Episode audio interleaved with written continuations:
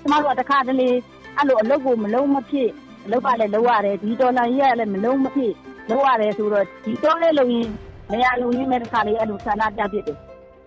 ဖြစ်တော့မှတကူကဖြစ်မှာပဲဆိုတဲ့ပုံနဲ့တခါဒါပေမဲ့အဲ့လိုအိမ်ချိုလိမ့်မယ်လို့တော့မထင်ထားဘူးပေါ့တပိတ်လေးပြတာတပိတ်ပြတာဗျာနည်းနည်းလည်းမပါဘဲနဲ့ဒါမိတဲ့လူတွေလည်းမိတယ်ဒါ မမိတဲ့လူအိမ်အဲ့လိုမျိုးဖြိုလိမ့်မယ်လို့လည်းလို့လည်းမတွက်ထားပါဘူးဒါကတော့အခုအချိန်ထိငိမ့်ချမ်းစွာဆန္ဒပြနေကြတဲ့စကိုင်းတိုင်းတွင်လူမှုတပိတ်တွေတဲကရဲရင်တဲ့ဒေသခံတချို့ရဲ့စကားသံတွေဖြစ်ပါတယ်။ ဒီနေရာဟာပြင်းထန်တဲ့စစ်ပရိပခတွေနဲ့တိမ့်နဲ့ချီတဲ့နေရဲဆုံးခွာပြေးနေရတဲ့စစ်ပေးရှောင်ဥယျာဉ်တွေရှိနေပြီးတော့တခြားတိုင်းနဲ့ပြည်နယ်တွေရဲ့အင်ဂျီတွေမိရှုဖျက်ဆီးခံရမှုထက်လေးစားပိုများတဲ့မိရှုဖျက်ဆီးခံရတာတွေရှိနေပေမဲ့လူမှုတပိတ်တိုက်ပွဲတွေကဆက်လက်ရှိနေဆဲဖြစ်ပါတယ်။မင်္ဂလာပါရှင်မြန်မာနိုင်ငံတဝမ်းမှာရှိတဲ့လူခွင့်ရေးနဲ့ပတ်သက်တဲ့အကြောင်းအရာတွေကိုတင်ဆက်ပေးနေတဲ့ ဒို့အတန်အပတ်စဉ် podcast အစီအစဉ်ကနေကြိုဆိုလိုက်ပါတယ်ဒီအစီအစဉ်ကို Foundation Heron တဲကတင်ဆက်တာဖြစ်ပါတယ်ဒီတစ်ပတ်ဆောင်းပါးကို Frontier မြန်မာရဲ့သတင်းတောက်တွေကဆက်လက်တင်ဆက်ပေးသွားမှာပါဆောင်းပါးအတွင်းလုံခြုံရေးအခြေအနေတွေကြောင့်နာမည်တချို့ကို ပြောင်းလဲအသုံးပြုထားပါတယ်ရှင်မေလ26ရက်နေ့စကိုင်းတိုင်းရင်းမဲ့ပင်မြို့နယ်အရှိတ်ချမ်းကရွာတရွာနိုင်မခရှောင်းမပိတ်ဒေဦးတာနိုင်ရေလူ တထောင်နီးပါးပါဝင်တဲ့ဒီတပိတ်စစ်ကြောင်းဟာစစ်ကောင်စီကိုစန့်ကျင်ကြောင်းဆန္ဒပြနေကြတာပါဆုံးကတိုက်ပွဲဆုံးလီတိုင်းအာနာသိမီနာကိုစစ်ကောင်စီကဆန္ဒပြလူလူအပေါ်အကြမ်းဖက်ဖြိုခွင်းတာတွေလုပ်ခဲ့ပြီးနောက်ပိုင်းအခုလိုလူရင်အားများများနဲ့ဆန္ဒပြတာမျိုးတွေမရှိသလောက်ဖြစ်လာပြီးသတင်းစာမျက်နှာတွေထပ်မံလည်းမြင်ရခဲလာပါတယ်။အခုလူလူတပိတ်ကစစ်အာဏာရှင်ကိုဒီဇိုင်းမက်မက်ဆန့်ကျင်ဆန္ဒပြနေတဲ့ ရမတ်ပင်စလင်းကြီးရွာပေါင်းစုံတပိတ်စစ်ကြောင်းရဲ့ဆန္ဒပြရက်ရှိရာပြည်တဲ့နေ့အထိမ့်မှတ်တပိတ်လည်းဖြစ်ပါတယ်။အထောင်ဝန်းကျင်ရှိတဲ့ဒီလူအုပ်ထဲမှာကျောင်းသားအရွယ်ကလေးငယ်တွေကနေစပြီးအသက်ကြီးပိုင်းတွေထိအရွယ်ဆုံးအမျိုးသားအမျိုးသမီးတွေပါဝင်ကြပါတယ်။အဲ့ဒီထဲမှာအသက်40ကျော်အရွယ်ဒေါ်လာလာလည်းပါဝင်ပါတယ်။ဒေါ်လာလာကအာနာစသိင်ကလေးကအခုထိကြေးရွာဆန္ဒပြတပိတ်တွေမှာအမြဲလိုလိုပါဝင်လေးရှိတဲ့သူတူပါစာဝတ်နေရေးအတွက်ရုန်းကန်နေရတဲ့ကြားက ဆန္ဒပြတပိတ်တွေမှာသူဘလို့ပါဝင်တယ်လဲဆိုတာကိုပြောပြပါဗျ။ဆက်အားပါစစ်သားဆောင်ရဲနိုင်ငံကြီးကမကောင်းတော့စောင်းနေရလဲပြည်သူတွေဆက်ဆဲကြုံရတယ်။ကျမတို့ကတခါတလေအဲ့လိုအလုပ်ကိုမလုံးမဖြစ်အလုပ်ကလည်းလုပ်ရတယ်ဒီဒေါ်လာကြီးကလည်းမလုံးမဖြစ်လုပ်ရတယ်ဆိုတော့ဒီတော့လည်းလုံရင်နေရာလုံရင်းမဲ့တစ်ခါလေးအဲ့လိုဆန္ဒပြဖြစ်တယ်ဒီဒီရွာပေါင်းလုံးတွေတွေရောအကုန်လုံးဒီလိုမျိုးတပင်းရသူတွေရောဒီနေ့တော့ကျမတို့ကမလိုက်နိုင်ဘူးအဲ့တော့ကျတော့ကျမတို့ကတောင်ရလုပ်ငန်းခွင်ထဲမှာ ဗိတ်ပြစင်နေဗိတ်မောက်စင်နေအဲ့ဒီတော့ ကျမတို့လုံးလုံးတဲ့ဒီကို လာခဲ့ပါလို့ သူတို့တပင်းရသူကျမတို့က ဖိတ်ခေါ်ရတာရှင်အာနာရှင်စန့်ကျင်ရေးမှာဆရာထက်တန်ပြီး ပါဝင်တာက ဒေါ်လာလာတယောက်တည်း မဟုတ်ပါဘူး ကျန်တဲ့ သူမိသားစုဝင်တွေလည်းကြေးရွာလူလူတပိတ်တွေမှာ အားရင်အားသလို မိသားစုလိုက် ပါဝင်ကြတယ်လို့ ဆိုပါတယ်။ဒေါ်လာလာရဲ့ သားသမီး9ယောက်ရှိတဲ့အထက်ကအသက်20ဝန်းကျင်အရွယ် သားအလက်က ဒေသခံကာကွယ်တပ်ဖွဲ့တစ်ခုရဲ့ အဖွဲ့ဝင်ဖြစ်ပါတယ်။ဒေါ်လာလာအတွက်တော့ လက်လက်ကင် မဆန့်ကျင်နိုင်တဲ့ အခြေအနေမှာ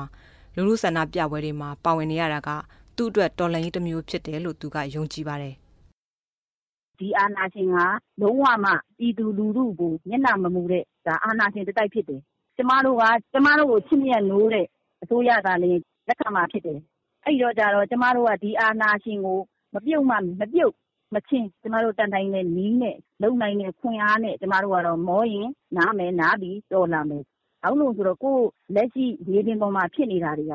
တချို့သောသူတွေက သိချင်မှသိလိမ့်မယ်။တချို့နေရာတွေကြရင် မသိတဲ့နေရာတွေမှာ အများကြီးကို တွေ့ကြုံရတာ အသက်ခံရတာ နှိပ်စက်ခံရတာ ညှင်းတဲ့ခံရတာ ကျမတို့က မျက်စိနဲ့တအားညင်းနေရတာဆိုတော့ လုံးဝကို လက်မခံနိုင်ဘူး။လုံးဝကိုလည်း သူတို့ကိုအတိအမှန်မပြုတ်နိုင်ဘူး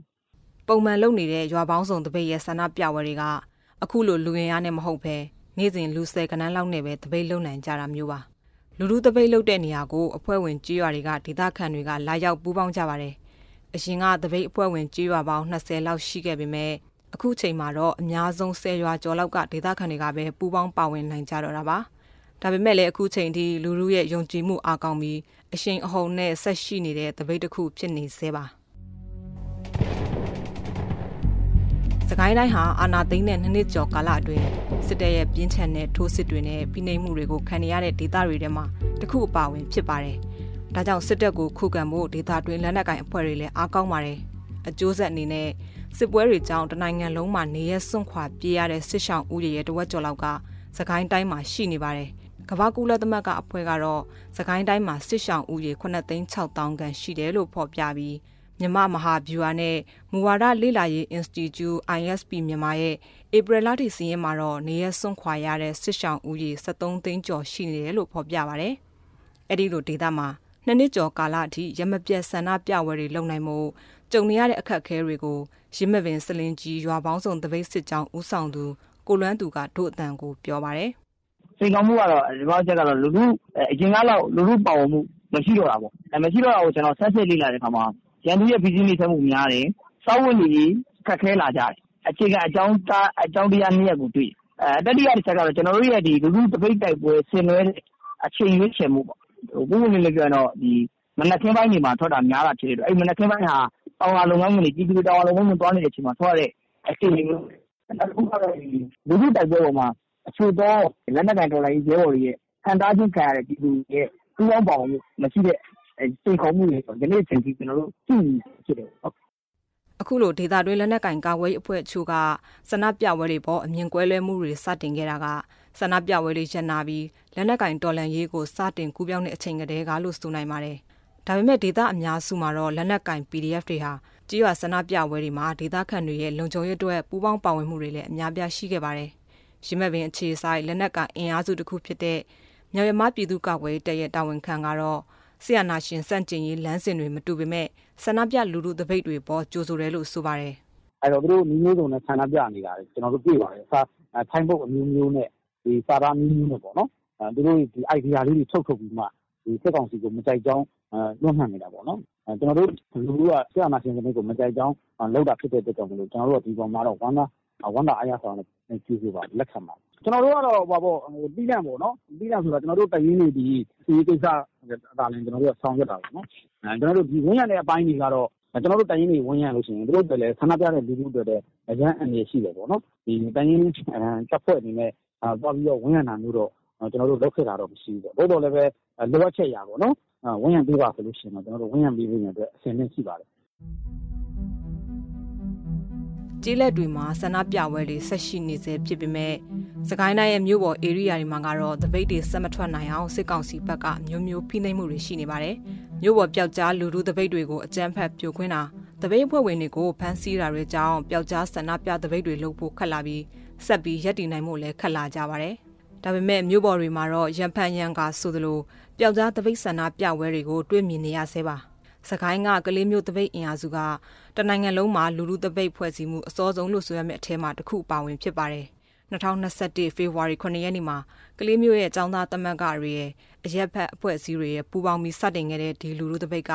အခုဆိုဆန္ဒပြရက်ရှိရာအထိရောက်လာပါပြီသူတို့ရဲ့တပိတ်လှုပ်ရှားမှုတွေကိုအခြားကျေးလက်တပိတ်စစ်ကြောင်းတွေလိုပဲသူတို့ရဲ့ကိုယ်ပိုင်လူမှုကွန်ရက်စာမျက်နှာတွေပေါ်ကနေတဆင့်မျှဝေလေးရှိပါတယ်။ အသက်22နှစ်အရွယ်ကလေးတက္ကသိုလ်ကျောင်းသားကိုပိုက်ပူကကလေးမျိုးတပိတ်အင်အားစုကော်မတီဦးဆောင်သူတဦးရဲ့ပါဝင်ပါတယ်။အခုလိုရမပြတ်ဆန္ဒပြပွဲတွေဟာအခြားမတူတဲ့တော်လှန်ရေးအင်အားစုတွေကိုတစိမ့်တစ်ပိုင်းစိတ်ခွန်အားပေးနိုင်တယ်လို့ကိုပိုက်ပူကဆိုပါတယ်။ကလေးလူထုတပိတ်အနေနဲ့ဒီအာနေ့တိုင်းကျွန်တော်တို့ဒီဆန္ဒပြရတဲ့ကျွန်တော်နံပါတ်1လူထုတပိတ်ကိုတန်ကျုံနေကျုံကိုင်းနေဖြစ်နေတဲ့ကျွန်တော် CDM လှုပ်ရှားမှုတွေရှိတယ်ဗျာဒါဆိုကျွန်တော်တို့ဒီတောထဲတောင်ထဲမှာခက်ခက်ခဲခဲကြော်ဖြတ်နေရတဲ့ကလေး ပြည်သူရဲဘော်တွေတောင်မှ ဒီကျွန်တော်တို့ လူထုတပိတ်ကို မြင်လို့ရှိရင် အများနဲ့အားရတယ် ကျွန်တော်အားသိရတယ်လို့ ပြန်ပြောတဲ့အတောင်ကိုယ်တိုင်က နားထဲက ကြားရတော့ သူတို့သူတို့တွေအတွက် သူတို့နဲ့သူရက်တီကြောင်ပြတာဖို့ကျွန်တော်နေ့စဉ်နဲ့များလိုရတယ် နံပါတ်1အနေနဲ့ ကလေးလူထုတပိတ်မှ မဟုတ်ဘူး ကျွန်တော်တို့ နိုင်ငံ တနိုင်ငံလုံးမှာရှိတဲ့ ပြည်သူလူထုတရက်လုံးနဲ့ စစ်အာဏာရှင်ကိုစန့်ကျင်ကြောင်း ကျွန်တော်တို့ တနည်းမဟုတ် တနည်း အဓိကအားဖြင့် ကျွန်တော်စစ်အာဏာရှင်စနစ်ကို လက်မခံကြောင်းကြားတာဖို့အတွက် ကျွန်တော်တို့ ဒီနေ့ ဒီဒီချိန်ထိ ရက်တွေရေးတော့ပြီးတော့တိုက်ပွဲဝင်နေတာ ဒါပေမဲ့တပိတ်မှာပါဝင်သူတွေအတွက်ကတော့တကယ်ကိုအန္တရာယ်ရှိတဲ့အခြေအနေပါအခုနှစ်တကြံအတက်နှစ်က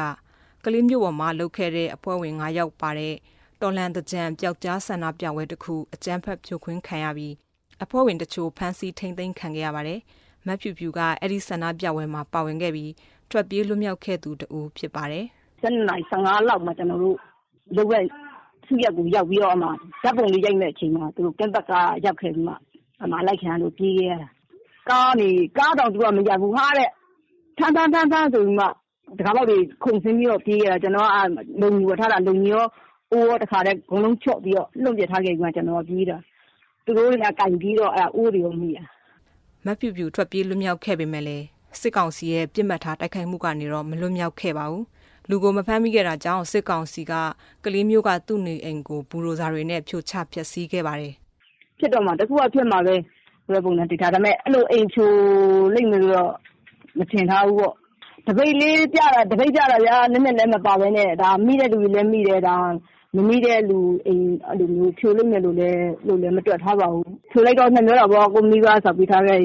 ဒီလောက်ရက်က စစ်အာဏာရှင်ဟာ သူတို့ကို တော်လှန်ရင်ဒီလိုဖြစ်မယ်ဆိုတာမျိုးတပိတ်အင်အားစုတွေနဲ့ ပြည်သူတွေပေါ်ချင်းချောက်တဲ့လောက်ရတစ်ခုလို့မတ်ဖြူဖြူက ပြောပါတယ်။ ဆန္ဒပြတပိတ်တွေမှာပါဝင်သူတွေဟာအခြေခံကြတဲ့လူခွင့်ရေးတရက်ဖြစ်တဲ့လွတ်လပ်စွာထုတ်ဖော်ပြောဆိုခွင့်အခွင့်အရေးတိုင်းရိုးရိုးရှင်းရှင်းဆန္ဒထုတ်ဖော်နေကြသူတွေဖြစ်ပါတယ်။ဒါပေမဲ့စစ်အာဏာရှင်လက်အောက်ကမြန်မာနိုင်ငံမှာတော့အဲ့ဒီလိုထုတ်ဖော်ပြောဆိုခွင့်ဟာအပြင်းထန်ကန့်သက်ခံထားရပါတယ်။နိုင်ငံတကာလူအခွင့်အရေးအဖွဲ့တစ်ခုဖြစ်တဲ့ Human Rights Watch အဖွဲ့ကမြန်မာ researcher မမှန်နေမောင်ကတော့ဆန္ဒပြထုတ်ဖော်ပြောဆိုတာတွေမရှိဘူးဆိုအခြေအနေတွေကပိုဆိုးသွားလိမ့်မယ်လို့ပြောပါတယ်။ if people don't speak about what is happening to them then we can't help them မြန်မာပြည်သူတွေကသူတို့မှာဘာတွေဆက်ဖြစ်နေလဲကြုံနေရလဲဆိုတာကိုထုတ်ဖော်မပြောတော့ဘူးဆိုရင်ကျမတို့ဘက်ကလည်းသူတို့ကိုကူညီမှုတွေပေးနိုင်မှာမဟုတ်ဘာမှလုပ်ပေးနိုင်တော့မှာမဟုတ်အခုအချိန်မှာကျမတို့ကဒီဖိနှိပ်မှုတွေကြုံနေရတဲ့လူထုစီကတည်င်းအချက်လက်တွေကိုပဲမိခိုနေရတာဖြစ်တယ် တကယ်လို့မြန်မာပြည်သူတွေကအခုလိုထုတ်ဖော်ပြောဆိုတာတွေရက်လိုက်မယ်ဆိုရင်တော့သူတို့ကြုံနေရတဲ့ဘက်ကနေပြီးတော့ရက်တီပြောဆိုနိုင်မှုလိုအပ်တဲ့သတင်းအချက်လက်တွေလည်းရတော့မှာမဟုတ်ဘူးလေအရင်ကနိုင်ငံရေးဆိုတာကိုစိတ်ဝင်စားခဲ့တဲ့ကလေးမျိုးလူလူတပိတ်ကမက်ဖြူဖြူကတော့အာနာရှင်စန့်ကျင်ရေးလူလူတပိတ်တွေမှာသူဘာကြောင့်ပါဝင်နေလဲဆိုတာကိုဒုအတန်ကိုအခုလိုပြောပြလာပါတယ်ဒီကျွန်တော်တို့တပိတ်ကနေပြီးမှဒီလူလူကို အခုထိ စစ်အာဏာရှင်ကို တော်လှန်နေတဲ့ရှိနေသေးတယ်ဆိုတာကို ပြည်သူလူထုလည်း သိစေချင်တယ်။ကျနော်တို့ရဲ့အသံဟာ သူတို့အတွက် ကြားစေချင်တယ်ဗျာ။နောက်ပြီးတော့ ကျနော်တို့အခုနောက်လာမယ့်ကျနော်တို့သားသမီးကျနော်တို့မြေးတွေရဲ့ ဘဝလေးတွေ ကောင်းစားစေချင်တယ်။ကျနော်တို့ဒါသူတို့သတ်ခဲ့လို့ သေခဲ့ရင်လည်းကျနော်တို့မှာ အသက်ဆိုတာ အပေါ်မပါပါဘူးဗျ။သေရမယ့်ဘဝပဲ။သေမယ်ဆိုလည်း သေလို့ရတယ် ဘာမှမဖြစ်ဘူး